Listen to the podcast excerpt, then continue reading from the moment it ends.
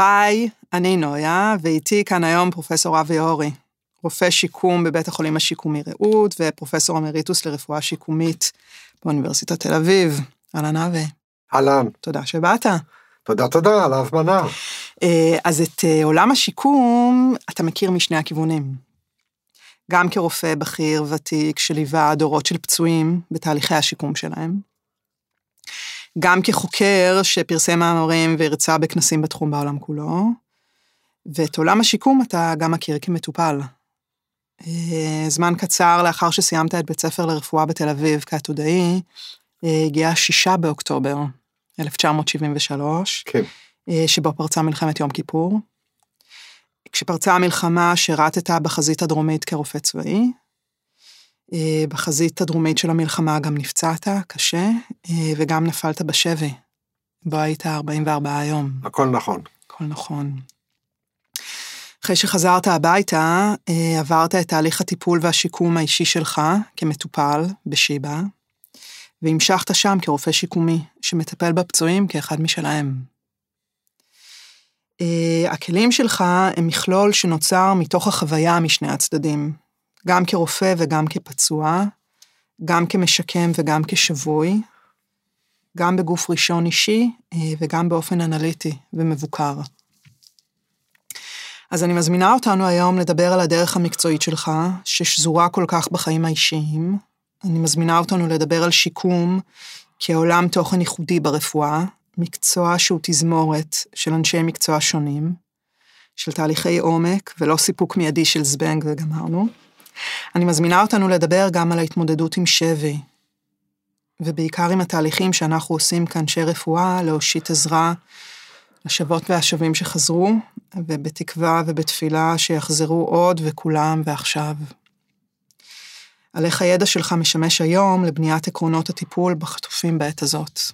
אמ, אני סקרנית לשמוע ממך על מה זה להיות רופא שיקום, שגם עבר שיקום. איך היכרות העומק עם תהליך הפציעה והשיקום השפיעה על הגישה שלך עם האנשים שטיפלת בהם, על החוויה האישית שלך, על הקו הדק שבין דז'ה וו אה, להתחלה חדשה, בין חזרה לתיקון, על החיים שבנית לך, על הדברים שממלאים את העולם שלך, הכתיבה והמחקר והמוזיקה, אה, ועל הדרך שלך. אני, אני מזמינה אותנו לדיבור על מלחמה והחלמה. וואו, איזה מבוא יפה. תודה רבה. מאוד יפה. הכל נכון קודם כל. עשיתי שיעורי בית. אה, בכל אופן, אה, אולי אני העתודה היחידי בהיסטוריה של מדינת ישראל שהשבוי, כל התקופה הסטודנציאלית, לא רק למדתי בתל השומר בצריפים, את שיבא כמובן הכרנו היטב, אלא אה, גם גרתי שם ועבדתי כאח כל השנים, גם שם, גם באיכילוב. תל השומר היה בית. האנטומיה למדנו בתל השומר, לא היה עוד הבניין שאת מכירה ברמת אביב. אז אני אומר, תל השומר היה בית, זה היה כן. אה, החיים, הבחור, החברות הראשונות, ה... אה, בלילות שעבדתי כאח סניטר, או איך שאת רוצה, חובש, באמת פגישות מדהימות עם שיבא בלילות, כל מיני... הוא היה מסתובב ומדבר איתכם בלילות, חיים שיבא? שיבא אה, בצריפים, עוד לא היה בניין, כן. הצריפים שאת מכירה בשדרה. הוא היה פנימאי? הוא היה פנימאי, ביטן 38.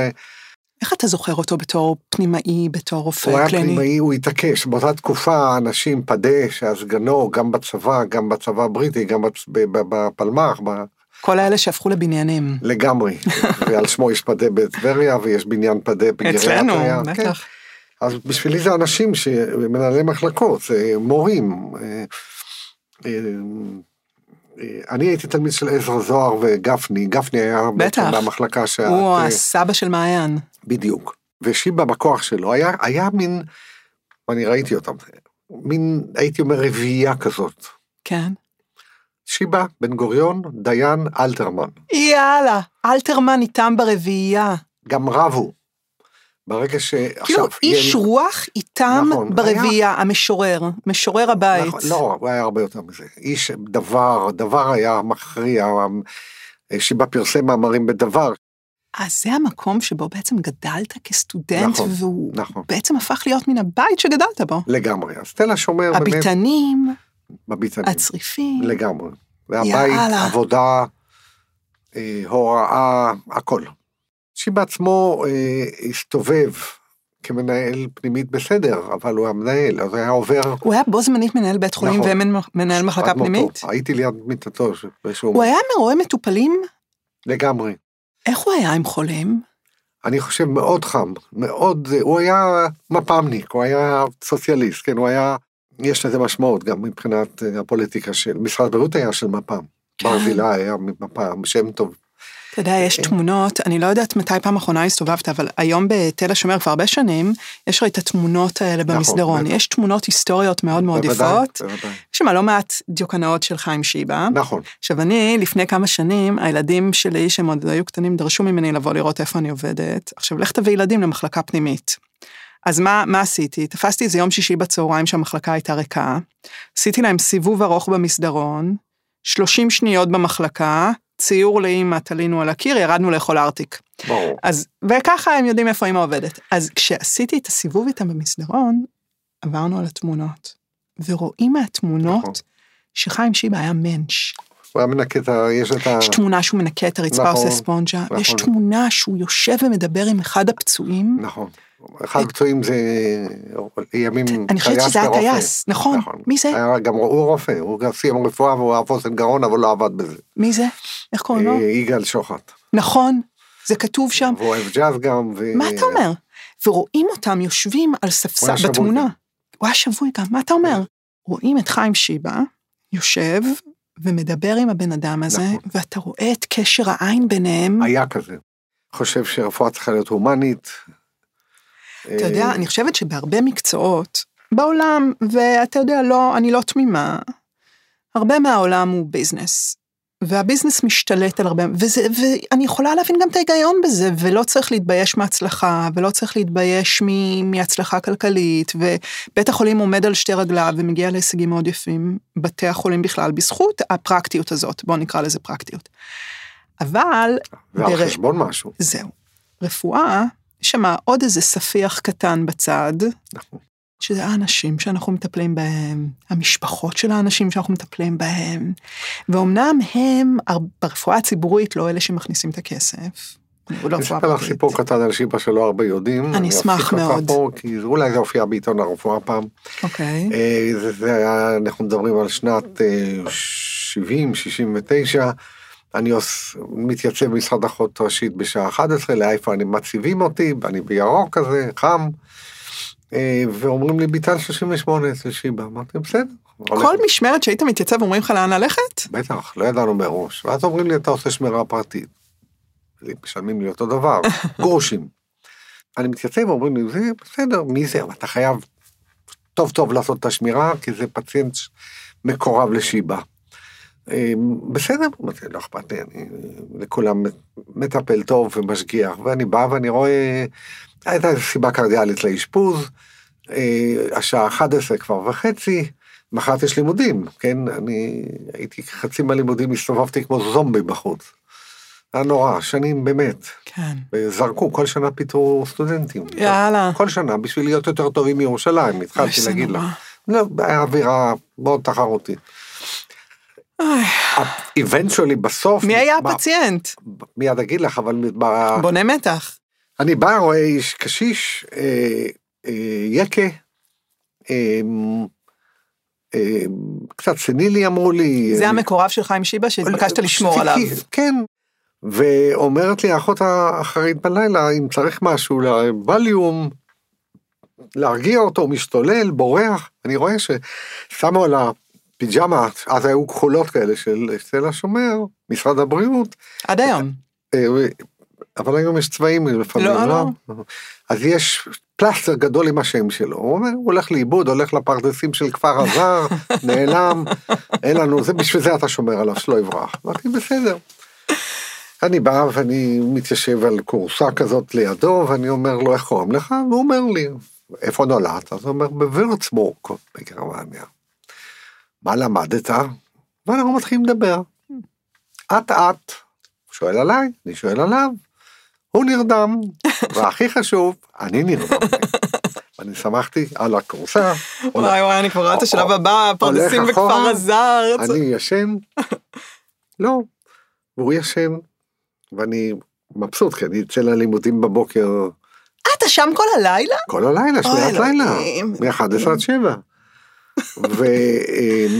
ולא יודע מה קרה בשעות שישנו, לקראת 6, 6 וחצי, מישהו מטלטל אותי, שיבא. הוא הכיר אותי, לא הייתי תלמיד אתה רואה, הנה שלו. עוד פנימאי שם מתחיל מוקדם. בבקשה. ו... והוא אומר לי, מה הוא ישן, הגקי הזה ישן? הוא אומר לי, בוא תצא איתי החוצה. בוודאי שאני אצא החוצה איתו. שרקת לו בליום כמו כל לילה? אמרתי, לא. קשרת אותו? אמרתי, לא. אז מה עשית? אמרתי, כלום, דיברתי איתו. אתה מוכרח להיות עוד לילה ועוד לילה. כמה שאתם רוצים, תשלמו לך, איזה לשלם. זה, זה היה לעג לרש, בלי שום זכויות סוציאליות. הוא טפח עליי ואמר, יופי, יופי, זה, זאת הגישה הנכונה. כי לאף אחד לא היה סבלנות. אף אחד לא דיבר איתו, מיד קשרו אותו. כן. קצת סנילי, איש מבוגר, חולה לב, אני יודע. אז הוא ברח, כן. מתעללים בו. כשאני חושבת ש... והוא היה כל כך מבסוט, ראית את שיבא כזה זורח, טוב, תמשיך עד, עד שבע.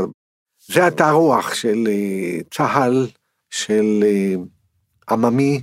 שיבא גם יש מינוס, הוא, הוא, הוא הקפיא את ההתפתחות של תל השומר בגלל התעקשותו לצריפים, לעממיות, לשוויון. אתה יודע, זה מחזיר אותי מאוד לאנקדוטה הזאת שסיפרת על החיים שלך כסטודנט והאיש שבאת לטפל בו. הסיפור הכאילו מאוד פשוט הזה, ובעיניי הוא נורא מייצג מה שקורה ברפואה, ובכלל וברפואה פנימית בפרט, שזה התחום שלי. מבקשים לך ממך לשמור על בן אדם, נותנים לך ביד כלים כמו אה, אה, קשירה וכמו זריקה של ווליום. אתה אומר, אוקיי, יש לי את הכלים האלה, הם כלים לגיטימיים במחלקה פנימית, בן אדם מבוגר, דלירנט, מבולבל, אנחנו לא רוצים שהוא ילך ויברח לפרדסים של כפר הזר. אבל קודם אני אציג את עצמי, אני אדבר איתו, הוא שואל אותי מי אני, אני שואל אותו מי הוא, סימפלי, אנחנו מפטפטים. נכון? השיחה הזאת, הפשוטה, מזכירה לו שהוא בן אדם, מפחיתה לו את הדליריום, כן, מרגיעה אותו, הוא נרדם, אני נרדם, הכל טוב. שנינו ישנו, שינתי, שרים. שנינו שמחים. מה שבעיניי הדבר הזה בהמון המון מובנים הוא תמצית של הרפואה, שאנחנו לפעמים אה, אולי טיפה אנשים, אה, אני אגיד לך עוד דבר על שיבא, סליחה תאמר לי מפריע לך. בבקשה. הוא היה אוסף אותנו, הוא ראה אנשים אוכלים איתו, מי אכלה בחדר אוכל? זה היה מקום עם איכות מזון ירודה ביותר, אבל שיבא עבד. סמרה היה סגנו גם כן. סמרה היה. הפנימאי. וסמרה היה הפנימאי? הפנימאי.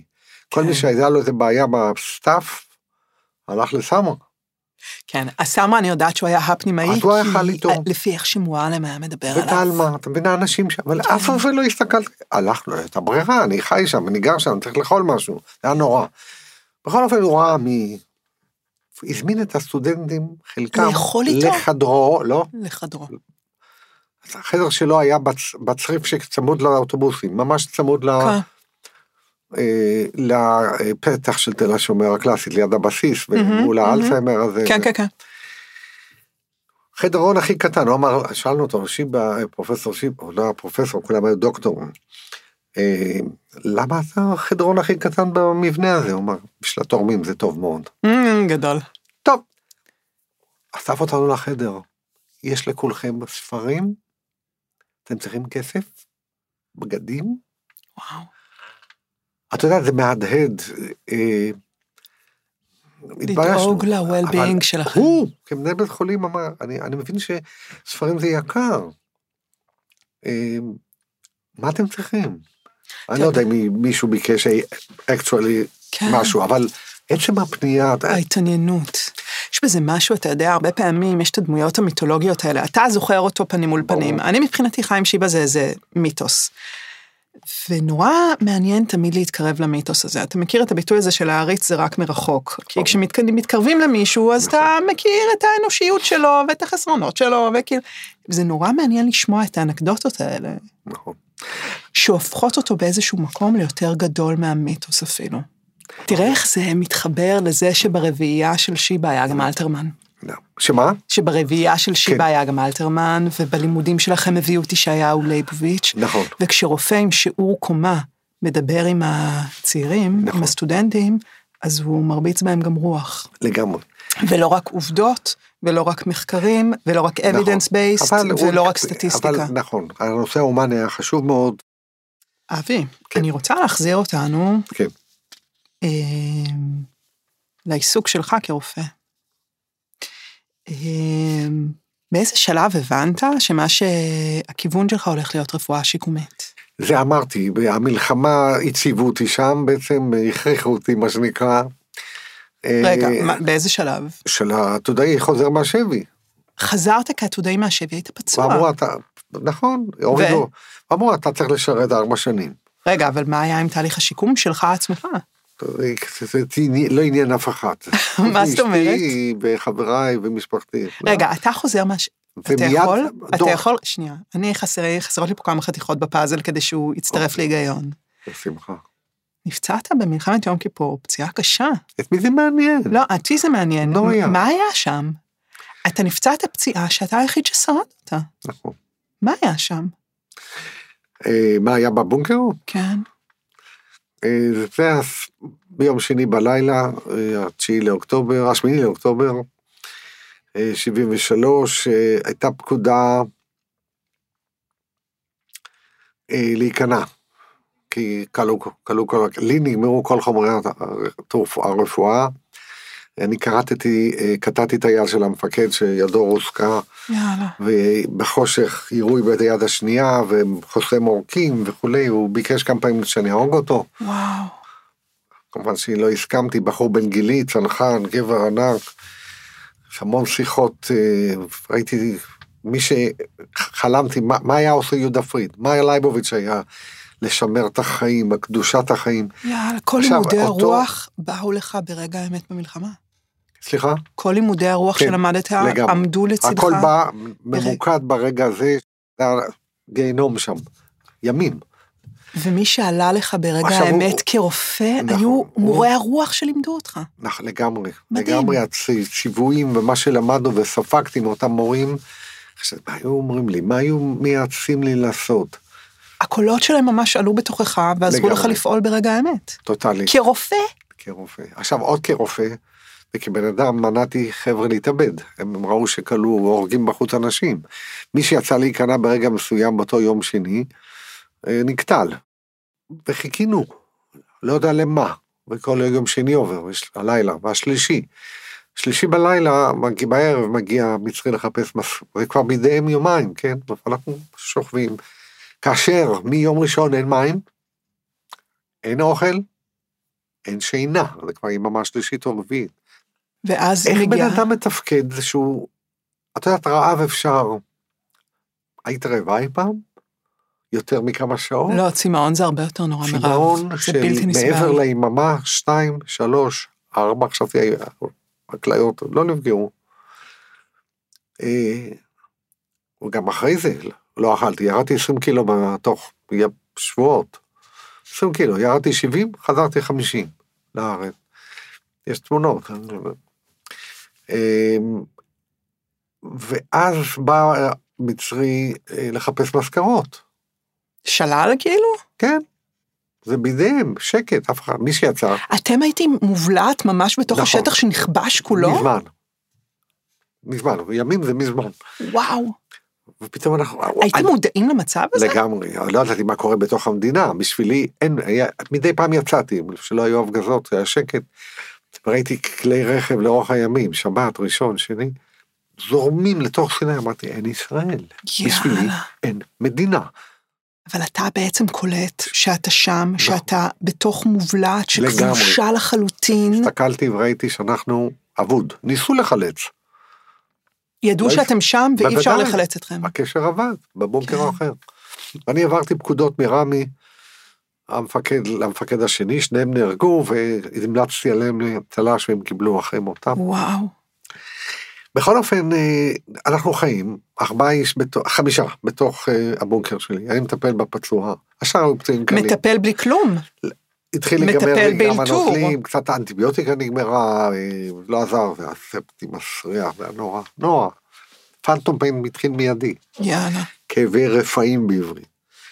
והכאבים מהספסיס והזוהרמפו, ו- יואו, אלוהים. נורא, פשוט, אה, ואני מדבר איתו, מדבר איתו על החיים, על הכאבים, על התוכניות.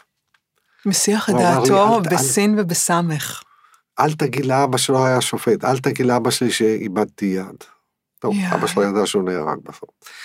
ואתה בעצם בשעות האלה, לא מכינים אותך לדבר כזה. איך אפשר? אתה מגלה את עצמך. פתאום אני רואה שאני בקור רוח, מונע מבוגרים ממני אה, אה, להתאבד, אה, מעביר פקודות בשקט מהמפקד הפצוע למפקד השני, שהוא החליט לצאת החוצה ונקטלו בדם קר. תשמעי, אתה, לימים גויסתי בשנות ה-80 לשני דברים, שאולי זה חשוב עכשיו. אחד, ללמד, ועשיתי את זה קרוב ל-20 שנה, עד לא מזמן, אה, בקורסי שבי, ביחידות מסוימות, כמו פרחי טיס, מטכ"ל וכולי. להכין אותם לסיטואציות של שבי. לא כל כך אל הנושא של הישרדות, שאתה עומד וואו. מול אויב. כן. שבי, אתה, אתה פיון, אין לך, כמעט שאין דרכות חופש. כן. אני למדתי שאפשר גם למצוא, פתאום גיליתי שיש לי את זה. איך אה, את לתמרן את. הזאת. ואחר כך דבר נוסף שעשיתי זה, מינו אותי, וזה רלוונטי לימינו אלה, להיות בצוות מקבל, אה, קולט את השבויים שבאו מסוריה ולבנון, כולל מארגוני מחבלים. שנייה, רגע אחד. אתה הגעת מעט לפניהם. מה אני הייתי? אתה הגעת קצת זמן לפניהם. חזרת קצת זמן לפניהם, לא? אתה חזרת אחרי 44 יום. ב- נכון. בסוריה הם כמה היו? תלוי, שנה? אה, שמונה, אה, אנחנו היינו חודשיים, אה, הם היו חצ- יותר מחצי שנה. אוקיי, אז חזרת, השתקמת מהפציעה הקשה, מהשבי של 44 יום, וכעבור כמה חודשים קלטת כבר שבים? לא חודשים, שנים, עשר שנים. מלחמת לבנון, אה, שבויים של מלחמת לבנון. מלחמת לבנון, לא את הסורים שחזרו אז לא. כן. ראיתי אותם בתל השומר, כן. אבל הכרתי אותם, חלק אושפזו בשיקום, כן. היו שלושה טייסים קטועי רגליים, אז לא במחלקה שלי, אני בשיקום הנוירולוגי, כן. אבל הם בשיקום האורתופדי, ואנחנו בקשר וזה, אבל אה, אה, לא, לא, אני מדבר על 82, מלחמת לבנון כן. א', אה, בין 82 ל-85 היו שלוש חזרות שבויים, או כן. מסוריה או מלבנון. כן, ולקחו אותי, קראו לי לקרפר, אה, עם פסיכיאטר, כולם היו אנשי קבע, כן. חוץ ממני, אני הייתי כן. איש מילואים יחידי, איך לקלוט, ליצור תורה. אני אקצר את הדרך. מה חשבת שעקרונית חשוב? מה הם עשרת הדיברות? מה אני הם חושב שבחרו העקרונות? בי, היינו שבעה, כאמור, שבעה רופאים אה, בכלא המצרי ועוד אחד בסוריה, כן, ויש כמה שבויים שלמדו רפואה אחרי השחרור. אוקיי. אני חושב גם כאיש שיקום שרואה את הבן אדם בכללותו, הוא לא רואה מערכת, הוא רואה בן אדם, אבל גם כשבוי, יכול להיות, ובאמת אה, זה עבד. ואיתי היה פסיכיאטר בכיר, אה, חביב מאוד, ואמרתי לו כל הזמן, אתה ה control שלי, אתה תראה איך אני מתנהג, כן, תן לי את הפידבק, אם אני... כן. וככה היה. אבי, אני רוצה שנייה לשאול אותך שאלה. זה שבחרו אותך בתור רופא, שיקומי, וגם בן אדם שהיה במלחמה, נלחם ונפצע, וגם היה בשבי, זה ברור לי, אתה בחירה טבעית, כפי שאתה בחירה טבעית עכשיו.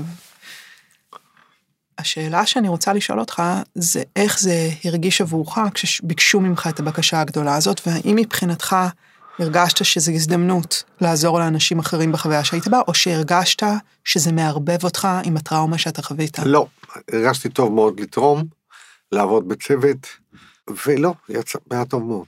היו שם רגעים שבהם... אה, להפך, כשאני באתי לשבויים שבאו, הצלב האדום, בקונטרה זה היה, כן. בחיל הים בחיפה, או כן. בעסקת ג'יבריל בז'נבה, כן. טסנו לז'נבה, והחזרנו 1,100 מחבלים תמורת שלושה חבר'ה כן. מסוריה. באתי אליהם, אני הראשון. כן. אמרתי, שמי אבי אורי, אני הרופא, הייתי שבוי ב-73. זה מיד, יאללה. וואו, משלנו, מחבקים. זה- זה- כן. הנושא האמפתי היה מאוד אתה, קלטתי אותך. ואחר כך אני בודק, שם סטטוסקופ, משחק את התפקיד. ממפה. אחר כך פסיכיאטר, כן. רופא intake שלו, אחר כך היה רופא משפטי, לא מצא כלום. אתה- בדיוק אותו דבר זה היה ככה עם השבים מעזה עכשיו. נכון. בדיוק אותו דבר. אתה, עכשיו- אני קלטתי אותך, אתה סוכן כפול. אה, יכול אתה להיות, סוכן כפול, אתה גם מדבר איתם בתור רופא, אתה גם מדבר איתם בתור אחד משלהם, אתה נכון. באמת אה, מסתובב שם על הדבר הזה כל הזמן. אמת.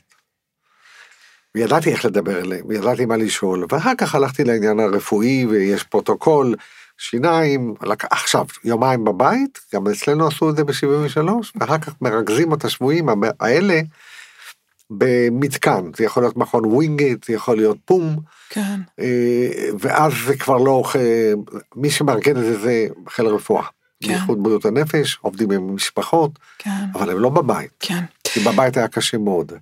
אפילו עירבו אותי בישיבות, שגם כן יש לי דוחות, איך להתייחס ל...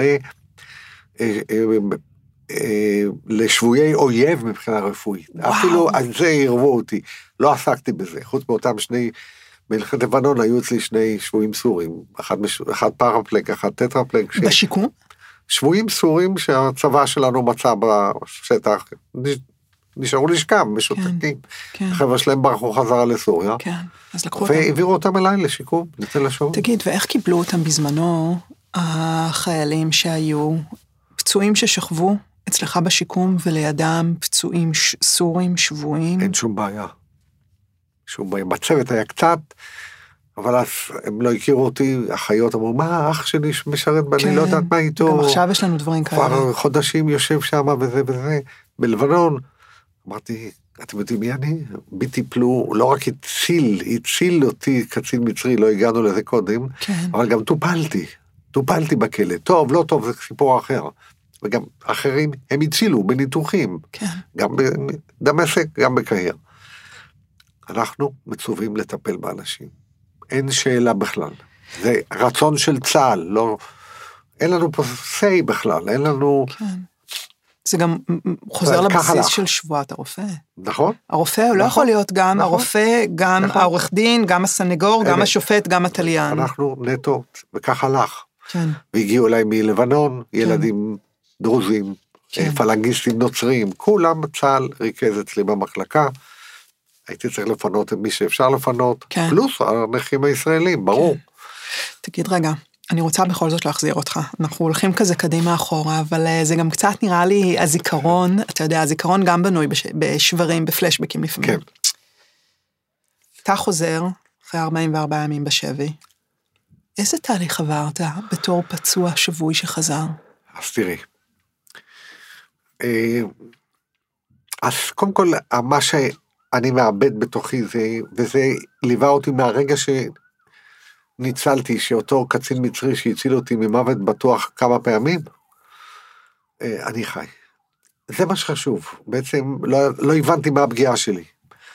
הבנתי שאני דיספני והיה לי כיכלון, ו... ו... אתה בעצם שאפת לא חומר בסדר. כימי שפגע לך בריאות. ל- בטח, בחלק מהשרפה, בטח, אני מספרת. שאפתי את זה, ו... מי שלא יודע. איבדתי הכרה. ו... אז קודם כל, אני תמיד ככה, על החצי כוס המלאה, זאת אומרת, אני פה. אתה יודע, הדבר הזה בטוח קשור באופן שבו אתה השתקמת, ההלך רוח הזה. נכון. חד משמעית, זה השורש של הכל. נכון, אה, יכול להיות. אני... אין לי ספק בזה. ושחזרתי, אה, החלמה הייתה, אז יומיים היה, היינו בבית, ואז שמו היית אותנו... במצב שיכולת להיות בו בבית, כן, מבחינה כן, רפואית? כן. אבל אחר כך בזיכרון יעקב ריכזו אותנו, ב... היום זה עלמה, נכון? כן. יש- אז היה מבטחים של ההסתדרות הכללית. מין בית החלמה כזה, בית הבראה כזה. זה בית היה. אברהם של רכטר, יעקב כן. רכטר בנה את זה על ה... מאוד יפה, זה משתלב בהר של זיכרון, נכון, על מול הכרמל. הים, מול הקיבוצים כן. למטה, נובמבר, סוף נובמבר, אה, ושם עשו בדיקות, אה, גם רפואיות, פסיכיאטריות, ביטחון שדה, כל מיני דברים שאני כבר לא זוכר ולא עניין אותי. אני הייתי פחות, הייתי שבוע. ובאיזה שלב? הרבה חבר'ה היו שם מאוד ממורמרים, מאוד. אני לא. שנייה, טוב לי. אתה חי, שרדת את זה.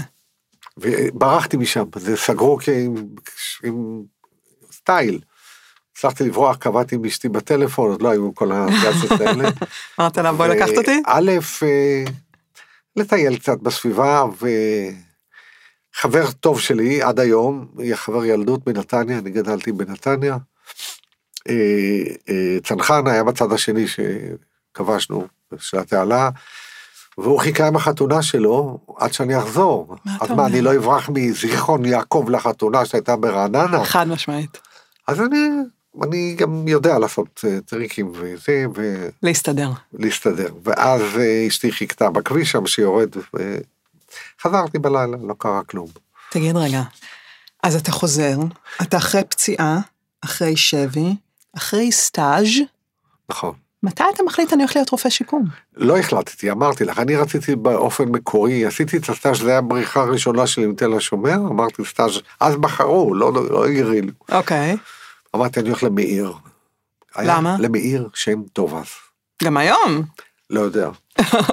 ואז הסטאז' היה מלמד, עשיתי את עבודת גבר שלי שם, משהו קרדיולוגי, אה, על בטה בלוקר, משהו, לא חשוב. אה, לימדו אותי. אה, היה יופי, באמת. כן. אה, זו הייתה הבריחה הראשונה שלי, רגע, אז היית סטאז'ר במאיר, ואז? ואז אתה למעשה סיימת את הסטאז'? כבר היית אחרי סטאז'? כן, זה היה החודש האחרון היה, אז סטאז'ר היה צריך לעשות, כולם, גם אוקיי. אלה שלא עתודאים. אחרי צבא, חוץ מהבנות, הבנות היו מיעוט אז בצבא. כן. אה, אה, חודש אחד בתעלה, אז אתה עשית כאילו שלושה חודשים אלקטיב בבית חולים מצרי. משהו כזה, נכון.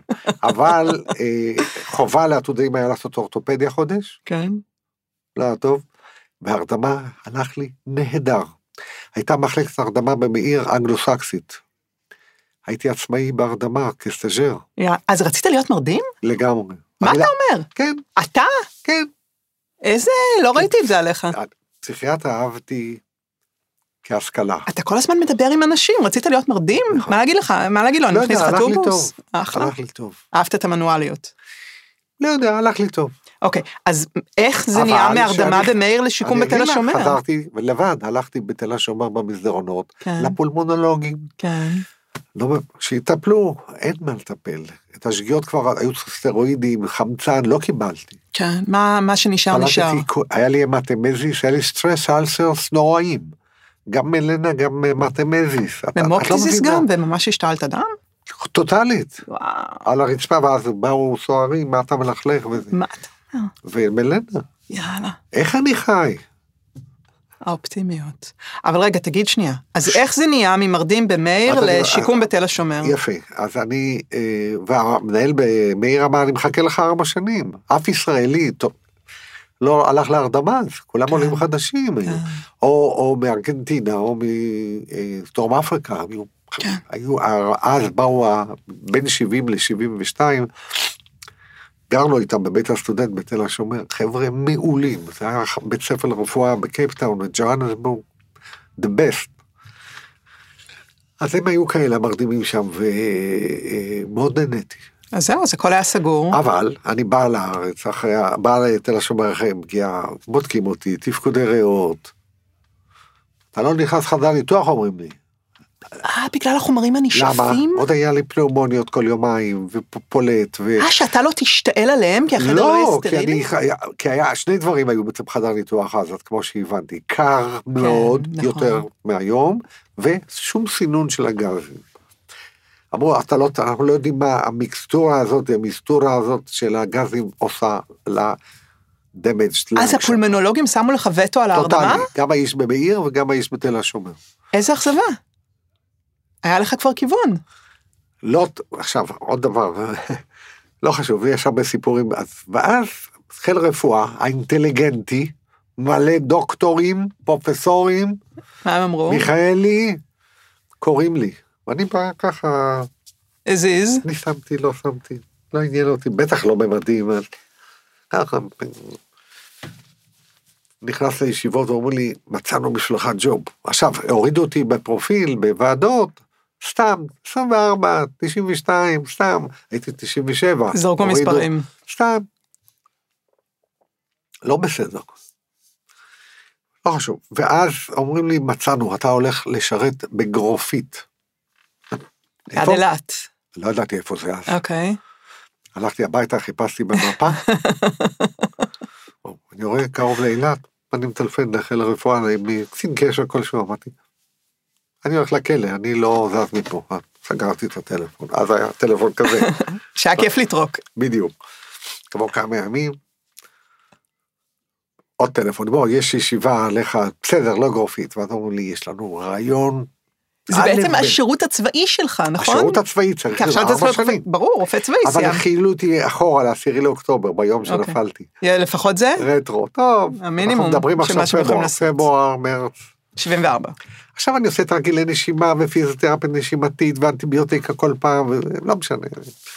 בניתי את זה, זה לא כן. שמישהו בא, זה העניין הזה שאני עכשיו מזהיר את ביטוח לאומי שהולך לדאוג לחטופים, כולם אזרחים בינתיים. נכון. אל תשכחו כמו ששכחו אותנו. זה לא רק לתת צ'ק, זה לא מספיק צ'ק, צריך לחבק, לבדוק. מיד נגיע לזהבה סולומון, למחקרים שלי איתה, כן. מ-91 עד היום. כי דברים מתעוררים בעוד 10, 20, 30 ואפילו 40 שנה אחרי הטראומה. בטוח. סרטנים, תסמונת מטבולית, you name it, התאבדויות. כן. תדאגו להם, אל תשכחו, זה לא צ'ק, זה לא כסף, לא פותר את זה. כן, כי שיקום אתה יודע שזה לא כל זבנג הזמן אני אומר את זה, וגמרנו. כל השנים. לכל מי שהיה אצלי, כל המצעד הזה שבא אליי בחודשים האלה. טוב, נחזור ל-74, לא גרופית, מה כן? אמרו, יש לנו רעיון אדיר. אמרתי, איזה רעיון יש לחיל רפואה אינטליגנטי? תהיה רופא בכלא ארבע. מה? קמתי ואספתי באמצע הישיבה. טרקתי את הדלת והלכתי הביתה. ואז אה, פתאום נזכרו. השכינה ירדה כן. על חיל רפואה, שיש מחלקה צבאית שנפתחה ביולי, לפני המלחמה, על ידי פרופסור, עוד לא, דוקטור רפי רוזין, שהביא אותו מהדסה, כן. איש שברירי וחולה במחלת גושה, כן. מה שקראו בצרפתית מלאדי דה גושה, והוא פתח להם יחידה של לאומית לפגיעות חוט שדרה, וזה היה שתל צבאי בתוך תל השומר, ואז אמרו, וואו, תל השומר בסדר? אמרתי, בסדר. אני בא לישיבה, יושבים המון אנשים, אבי אורי, זה הצגות. אה, תל השומר. וככה זה התחיל. בכיף, שיקום זה לא השטח שלי, אבל בסדר. ואז... אה, אה, אמרת יאללה, אומר המיקום בא לי טוב, אני אעשה מה שצריך. מה שצריך, אבל יש לי שאלה. אתם יודעים שהשירות הצבאי הוא נגד החוק. ידעתם, ישראל חתמה ב-49, כשהייתי בן שנה, כן. על ארבע אמנות ז'נבה. מישהו מהפרקליטות עשה איתי קשר, תקשיבי טוב. כן. אמר, אתה לא צריך לשרת לפי החוק למה? הישראלי. כי היית בשבי? בוודאי. יא אללה. אז אמרת אתה- להם, אני אני- צבא לא אבל עושה? אמרו, תתבע אותנו לבג"ץ. הם אמרו, לא מעניין אותנו? ואז הם יושבים מולי ואומרים, אה, לא, לא, אתה משרת. ו... ואז אני אומר, אתם יודעים שמצרים, אנחנו יושבים בבסיס תל השומר, בסצנריו הזה שאני מספר, יצרה, אה, חוקקה חוק פנימי שלה, זה שמעתי מהפרקליטות שלנו בתל אביב, בקריה, מאיפה אני אדע דבר כזה? בלי קשר לאמנת ז'נבה, הם חוקקו חוק שאם שבוי נופל פעם שנייה, אין לו זכויות, כי שב... זכויות שלך כשבוי, once in your lifetime, once, זה העניין. אז התגייסת או לא התגייסת? עשית את זה-. עשית את זה כשירות צבאי למרות לגמרי, שהיית אבל פדוי רק שבי. עכשיו פה חברו שלושה גורמים שנתנו לי לבלוע את כן, המקצוע. אחד, אשתי. כן, בלי התמיכה שלה, אין מה, לא, ברור. לא הייתי יושב פה כרופא שיקום. שתיים, רפי רוזין, המנהל. כן. חולני, מאשפוז לאשפוז, הוא, הכש- הוא ידע שימיו לא ארוכים. אה, רפי אף פעם לא אמר לי, שמע, השיקום הוא בשבילך. האישיות שלך, הנטיות, איך אתה מטפל, איך אתה מתייחס, משפחה. שיקום זה החולה הוא בסיס, מסביבו יש משפחה ועוד מעגלים, ו... ואתה עושה את זה טוב, זה בשבילך. מילה לא. הוא לא אמר את זה? עד שעשיתי שלב ב', כן. מיד שלח אותי אנגליה, ארה"ב, למקומות הכי טובים בעולם, וסידר לי את כל השבת. fellowship, לא fellowship, אנגליה עבדתי ממש במחלקה, המכה של הפגיעות חוט שדרה, אבל לא משנה, הכין אותי. הייתי. הראשון שעשה שלב, אה, אה, שלב א' ושלב ב', לא היה לי את מי לשאול אפילו. כן. איך זה? מה עושים? הוא בעצם הסליל לך את הדרך אה, לרשת אבל אותו. הוא, הוא בנה את זה, והשלישי, האלמנט השלישי זה הפצועים של ה-73 ששכבו במחלקה. נעשינו חברים, זה כבר מה שרמזת קודם אולי. זה כבר לא רופא חולה, כן, עד היום, חברים, מי שחי, כבר הרבה לא. כן. פתאום זה, אני אבי והוא אה, מוישה. ככה זה. כן, זה כבר לא רפואה של חלוק ודיסטנס, אין. כן, זה היה קיבוץ כזה. כן. זה גם תהליך שהוא מאוד ארוך. זה לקח שנתיים. לקח אוקיי. שנתיים, אשתי טוענת שזה היה שנתיים, ואחרי שנתיים ישבתי איתה בארוחת ערב, כבר יש לנו בת, כן, בת אה, הגדולה נולדה כבר ב-74. כן. בוא נעשה את כל ה... והשירות הצבאי הפך להיות ההתמחות. מדהים. הרווחתי ארבע שנים לעומת כל החבר'ה. אז בסופו של דבר, מאז יצא מתוק. כן, בסופו של דבר גם השירות הצבאי שלך לא, לא, כן. עשיתי בחינות, כן. פתאום אה, הנושא, עכשיו, רפי, השירות הצבאי שלך לא עיכב אותך. לא, להפך. אה, אבל ידעתי, לס- שוב, הנחיות, אני צריך מנחים. כן, כן, את, מי שאת, אני מאמין, וגם אמרת את זה, לפי מנחים שהיו לך, לפי מורים, לפי בוודאי. רמזים או לא רמזים, אבל מרפי זה היה רמזים. הוא אומר לי, שמע, אתה עושה בחינה, נולדה הבת השנייה, זה כן. כבר אה, 79, אתה עף מפה, אני לא יודע כמה אני אחיה, אני רוצה שתעשה את כל ה... היינו במקומות הטובים בעולם בשיקום. יאללה. הייתי צריך יותר זמן, ואז הוא מטלפן לניו יורק ואומר לי, הוא מידרדר, תחזור. יאללה. לקח עוד כמה שנים, אבל הוא הכין אותי לרשת אותו. תגיד, אם אני צריכה... אני מצטער שאני אמוציונלי, אבל זה לא, ככה. אני מבינה לגמרי. תגיד, מה הדבר שבעיניך הוא האסנס של שיקום?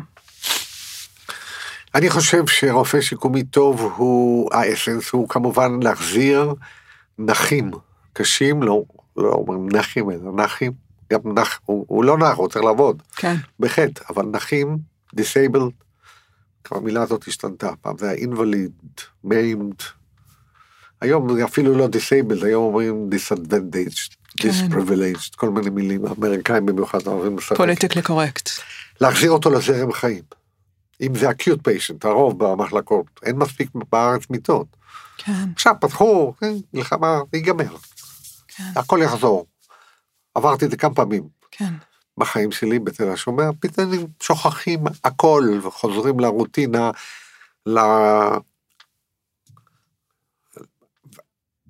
אז הנושא הראשון הוא להחזיר אנשים, איך עושים את זה? אתה ראש צוות, אתה, את השתמשת, to orchestrate, אתה מנצח על תזמורת. כן, אתה צריך שהצוות יעבוד בהרמוניה ולא בקקופוניה. אני מתופף ג'אז, אני משתמש דימויים מעולם המוזיקה. של מוזיקה, אבל אה, זה ככה. כן, אם זה לא עובד בהרמוני בין כולם, מהמם. כי יש מתחים, המרפאה בעיסוק רוצה ללכת לשם, והפיזיו רוצה ללכת לשם, או בין פסיכולוג לעובד סוציאלי. אני כמנהל, כמנצח תזמורת, צריך שהעסק יעבוד בהרמוניה, בשילוב ולא באנטי, כי החולה מיד מרגיש את זה. כן, דרך אגב, המילה חולה לא... היא לא, אנשים מתגלגלת לך טוב על הם- הלשון. הם נחים, הם, הם פגועים, הם clients. באמריקה, דרך אגב, אין patient, clients. כן, אז ה client שלנו, המטופל שלנו, הוא חש מהר מאוד. הוא, אל תשכחי שבשיקום כל בעל מקצוע זה שעות ביום כל אחד.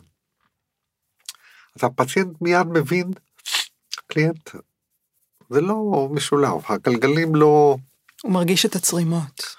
מה? הוא מרגיש את הצרימות. לגמרי, אם יש אה, תנגודות. בדרך כלל זה עובד יופי, והם כולם יודעים לזרום, אבל אתה צריך לתת את ההנחיות האתיות, יש המון בעיות, פרסמתי הרבה על זה, על ביואתיקה בשיקום, יש המון שאלות שאולי הם לא בר, כמו ברפואה החריפה של חיים ומוות, גם זה היה לי, כולל רופאים. שמה? לא כל אחד מוכן לחיות עם דיסביליטי קשה.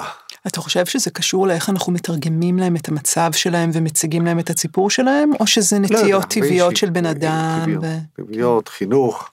כן, רוב האנשים עולם. רוצים לחיות, ואתה צריך לתעל, בעין, לתעל את האנרגיות שלהם כן, ושל הצוות. כן. ולתכנן את השיבה הביתה, כמו בספר של א' ב' יהושע, שהיא תהיה חלקה. כן. אתה צריך לשתף גורמי קהילה, קופות חולים, בני משפחה, כן. עורכי דין באים אליך, כן. אתונות. אתה פתאום מדבר עם המון בעלי מקצוע שלא במעגל הבית חולימי. עורכי דין, רואי חשבון, כל מיני מסגרות, אנשי ביטוח. איך אה, לקחת את כל התלאים האלה ולחבר אותם לשמיכה. כן. אבי, אני רוצה לספר לך משהו. כן.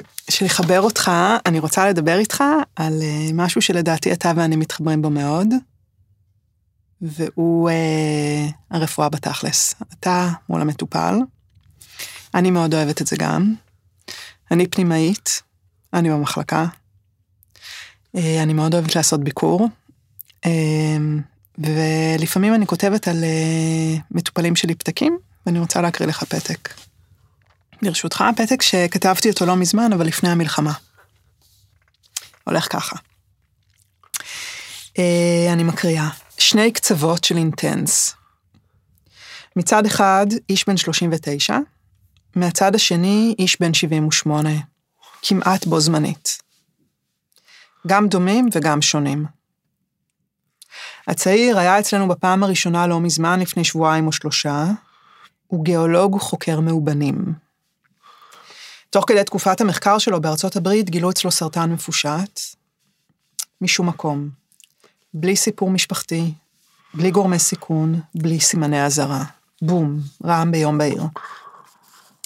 המעבר לאמריקה, שתוכנן להיות רילוקיישן משפחתי, הרפ- הרפתקת חו"ל מרגשת עם סקי בוורמונט ודיסנילנד, הפך להיות ברובו התמודדות עם סרטן.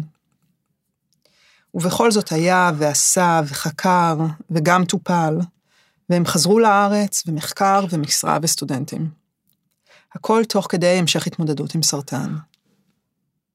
ומשפחה מופלאה סביבו, תופרים את הטיפול המדויק והמותאם ביותר לכל מה שעולה. הם כל כך עדינים וכל כך מסוגלים בו זמנית. התמודדות בלתי אפשרית, עם מחלה נוראית, ועם ילדים קטנים בבית, ובכל זה אני לרגע לא מרגישה מהם אפילו טיפה מרירות או שליליות או פאסיב אגרסיב. הוא הגיע אלינו עכשיו בגלל קוצר נשימה חדש. אנחנו מזהים שזה בגלל תפליט פלאורלי, מים שהצטברו בריאות, תופעת לוואי שכיחה לסרטן גרורתי שמערב גם את בית החזה. שלושה ימים לקח לנו לברר את כל האפשרויות ולהגיע למסקנה שאין דרך קלה לנקז את הנוזלים האלה החוצה. שלושה ימים זה נצח למשפחה שהחוטים העדינים של רקמת השגרה זה מה שמחזיק אותם אסופים. שלושה ימים כדי לומר בסוף, אין מה לעשות. התשובה אכזבה גדולה, ואיתה הבנה שכך זה יהיה מעכשיו. קוצר נשימה ומחולל חמצן וירידה דרסטית ביכולת התפקודית. ואפילו אז, רק דמעה קטנה של תשישות ושל אכזבה נקבטה לצד תועפות הסבלנות והאצילות והעדינות. ביום הראשון, בביקור עם הסטודנטים, שאלנו אותו, תגיד, מה החוקר חוקר מאובנים? מה מעניין אותך? הסתקרנו לשמוע, וגם רציתי לחבר אותו לחוזקה שלו, לאדם שהוא, ולא רק לחולה שהוא. והוא ניסה לספר קצת בלי אוויר, והסטודנטית שאלה, מצאת פעם מאובנים של חייזרים? וזה היה כל כך מתוק מצידה, וכל כך מקטין עבורו, חמוץ מתוק מעורבב ביחד, בניסיון לייצר קרבה ולשדר לו, אתה יכול לסמוך עלינו, אנחנו בצד שלך. כעבור שלושה ימים, היום שבו הם חזרו הביתה היה יום שיבוש, וחששתי מהפקקים בדרך, ונתתי לה את המספר טלפון שלי, ואמרתי לה, תרגישי חופשי להשתמש בו, אני רוצה לעזור. ולשמחתי היא השתמשה בו, במשורה ובדיוק. בקצה השני ובאותו מקום בעצם, בן 78, כפול ממנו בגיל, מושבניק, הוא היה איש משרד הביטחון כל חייו, גאה בקריירה מפוארת בהגנה על המדינה. הוא מציג את עצמו בפנינו ומספר לנו על המלחמות ועל הקרבות ועל הפיקוד ועל הפציעות. האיש גיבור, מעורר הערכה, אני מרגישה כמה כולנו חייבים לו הרבה. עכשיו הוא שוכב במיטת בית חולים, צנום וחיוור, הראש הצלול מחובר לגוף זקן וחולה שהולך ומידרדר ולא לגמרי ברור למה. הרופא בקהילה הפנה אותו אלינו לבירור באשפוז. בתחילת הביקור אנחנו מדברים על המצב במדינה, והוא מספר לי שהוא ראש של הפרלמנט במושב, שבו נפגשים כל יום ומדברים על המצב, והוא גם מרצה, והוא מספר לי שהוא נלחם ביום כיפור ובשלום הגליל, ושמבחינתו ההפיכה המשפטית עכשיו הרבה יותר מסוכנת לביטחון המדינה מכל מלחמה שהייתה. הוא מדבר על חוסן ולכידות חברתית וערבות הדדית. הוא משתמש בז'רגון צבאי וחיתוך דיבור חד על עניינים של אנושיים וחברתיים ושבלב. אני רואה כמה הוא נראה חולה, אבל בעיניים ברק שמלווה את תלת הדיבור הנרגש, ואני מבינה שהוא חי בזכות הקהילה שסביב ההרצאות היומיות והמאזינים. אנחנו ממשיכים לדבר על מה קורה לו, לנסות להבין מה מפריע, מה בעצם מתקלקל. יש לו אמנם רשימת מחלות רקע ארוכה, אבל הסיפור שהוא מספר לא מכוון להחמרה של אף אחת מהן באופן ספציפי. עולה בי החשד שיש בו משהו נוסף, שהולך וגדל ותופס נפח בגוף, ואני חושדת במהירות. האנמנזה עוד תלויה באוויר ואני עוברת לבדוק אותו, לחפש בגוף סימנים לגידול. כשאני מקשיבה ללב שלו עם סטטוסקופ, הוא לוחש לי, אנחנו ננצח. אנחנו מזמינים CT כל גופי, ה-CT מגלה גידול מפושט, שלא ברור מה מקורו הראשוני. אני באה כעבור כמה שעות לספר להם על הפענוח, לשיחת בשורה קשה. אני מתיישבת לעשות אותה כמו שצריך. האיש עצוב, בני המשפחה נסערים, כולנו עם דמעות בעיניים, הם מתלבטים אם לנסות טיפולים או לא, ומחליטים לקחת כמה ימים בבית לחשוב ולעכל את הבשורה. והשיחה כל כך יפה, והדמעות מדויקות, והוא מחזיק לי את היד, ואומר לי, ידעתי, אני מרגיש את זה כבר חודשים. והוא אומר לי תודה. ואני אומרת לו תודה על התודה. והכל כל כך יפה ונקי ומדויק במידה הנכונה. הוא משתחרר הביתה באותו אחר צהריים ומידרדר מאוד מהר, לא מצליחים לאזן את הכאבים בבית, הוא סובל, בני המשפחה חסרי אונים, בין הפטיש לסדן של פליאציה לא מספיקה והיעדר אופק לטיפול. מחליטים לחזור לאשפוז ולנסות בכל זאת להשלים את הבירור במהירות כדי להתחיל טיפול אונקולוגי. האיש לוחם כל חייו, עכשיו זאת המערכה האחרונה. הם מחליטים ללכת על כל הקופה, הוא לא מוכן למות בלי קרב. הוא מתאשפז בתקווה להגיע למכון האונקולוגי לקראת התחלת טיפול כימותרפי. אנחנו מנסים לייצב את מצבו בכל צורה. הירואיקה ופירוטכניקה וטיפולים מתקדמים רק כדי לייצב את המצב. אנחנו מפעילים את כל התותחים הכבדים. עירוי נורדרנלין רק בשביל לאפשר דיאליזה. ומשלבים אנטיביוטים לסטר... לזיהומים, וסטרואידים במינון גבוה. אבל כל זה לא מספיק. המחלה סוערת מדי, הגוף חולה מדי, משככי הכאב חלשים מדי, הוא מת בקרב. וממש באותו זמן, באותם הימים ממש, חוקר המאובנים בבית. הוא מרגיש שזה עומד לבוא, הסוף. הוא מבקש מאשתו, בואי נתקרבל כולנו על הספה. את, אני והילדים. הם שוכבים כולם ביחד ומתחבקים, ושמים בטלוויזיה את הנסיכה הקסומה, כמו שעשו תמיד. עכשיו בפעם האחרונה. הוא עוזב את העולם הזה בקבלה ובהכנעה. כך אשתו התקשרה לספר לי. היא שולחת לי את התמונה האחרונה שהם צילמו, והיא בדיוק מה שדמיינתי. תמונה שאומרת אהבה. האנשים שנלחמים והאנשים שמתפייסים. האנשים שמתנגדים והאנשים שנכנעים. מי יודע מה בין ניצחון ונצח.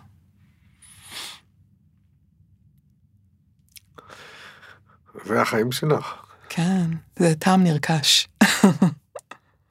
כן, אבל יש אה, גם אה, מאושפזי פנימית עם יותר... בטח, בטח. אופטימיזם. יש הרבה פתקים אה, גם אחרים, ויש הרבה סיפורים אחרים, והרפואה היא, למרות שאני לא רואה את זה בתור... אתה יודע, מוות זה לא כישלון. יש הרבה פעמים, הרבה מאוד הרפואה בפנימית והרפואה בשיקום הן מאוד מאוד שונות, אבל אני חושבת שבשורש שלהם להתחבר לבן אדם ולתת לו את מה שמתאים עכשיו. אני רואה הרבה קווי דים, קווים משותפים עם רפואת משפחה למשל, כן, או פסיכיאטריה. כן, בהחלט. כן, יש ענפי רפואה יותר טכניים, יותר הכירורגיות הקטנות, כן. או הגדולות אפילו, לא רואים את ה... כן. את הכלל, נכון? כן. אבי, אתה יודע, יש שלב אה, מסורתי בכל אה, שיחה כזאת שאני מזמינה לשאול אותי שאלה, אם אתה רוצה, אתה מוזמן. אם אני רוצה? לשאול אותי שאלה, או להביא משהו משלך לשיחה, אתה מוזמן. מה עשה לך, אה, מה עשתה לך הפגישה שלי איתך? Mm. הייתה שיחה נורא נורא מעניינת. הפגישה וההכנות שעשית. וההכנות, כן. קודם כל היה לי מאוד מעניין, גם בשיחת ההכנה שלנו, היה לי נורא מעניין לשמוע על איך תל השומר נראה היה פעם. אתה יודע, אנחנו חיים במין אשליה שרק המציאות שלנו היא קיימת. אין עבר ואין עתיד. ופתאום אה, לשמוע על אה, האנשים האלה, ממך שאתה מכיר אותם, פתח לי המון פרספקטיבה על המקום הזה שהוא הבית המקצועי שלי. אני מאוד אוהבת לסיים את השיחות האלה עם שיר. אני רואה. ומצאתי שיר שמאוד קשור לזמן בשנה. אתה יודע שהיום זה י"ג בשבט, מחרתיים זה ט"ו בשבט. למה ט"ו בשבט בחורף? הצמיחה, פריחה. אבל אין פריחה עכשיו, זה חורף. יש, אבל לא. ט"ו בשבט הוא בחורף, כי זה הזמן שבו השרף מתחיל לעלות באילנות. אהה, השרף הוא הפוטנציאל, אוקיי. שמתחבר בעיניי מאוד לעבודה שלך כרופא שיקום. מגיע אליך בן אדם ואתה רואה את הפוטנציאל שלאן הוא יכול להגיע. הוא עוד לא שם, זה תהליך. הפריחה תהיה באביב, עכשיו אנחנו עוד בחורף, אבל אתה רואה את השרף שמתחיל לעלות באילנות. אוקיי. אז הבאתי שיר שקוראים לו ויש להתפלא, מי שכתב כתב? אותו יחזקאל רחמים. ויש להתפלא, אפילו על עלה, שניתק מענף ונמסר אל הרוח. כשערפל עולה, כה קל להתעלם מעולם ועל עליו, מהפלא השלוח. ויש להתפלא, כשחסד מתגלה בסמטה אפלה ובכל קצה נשימה, כשקסם הבריאה מתקרבל בתוך עלה, בעוד יום אחד רגיל על פני האדמה. יפה. אה, פרופסור אבי אורי, פרופסור. תודה רבה שבאת לפה, ופינית. לי את הזמן. וסיפרת לי המון דברים. רק התחלנו. רק התחלנו. תודה רבה מאוד. שמחתי.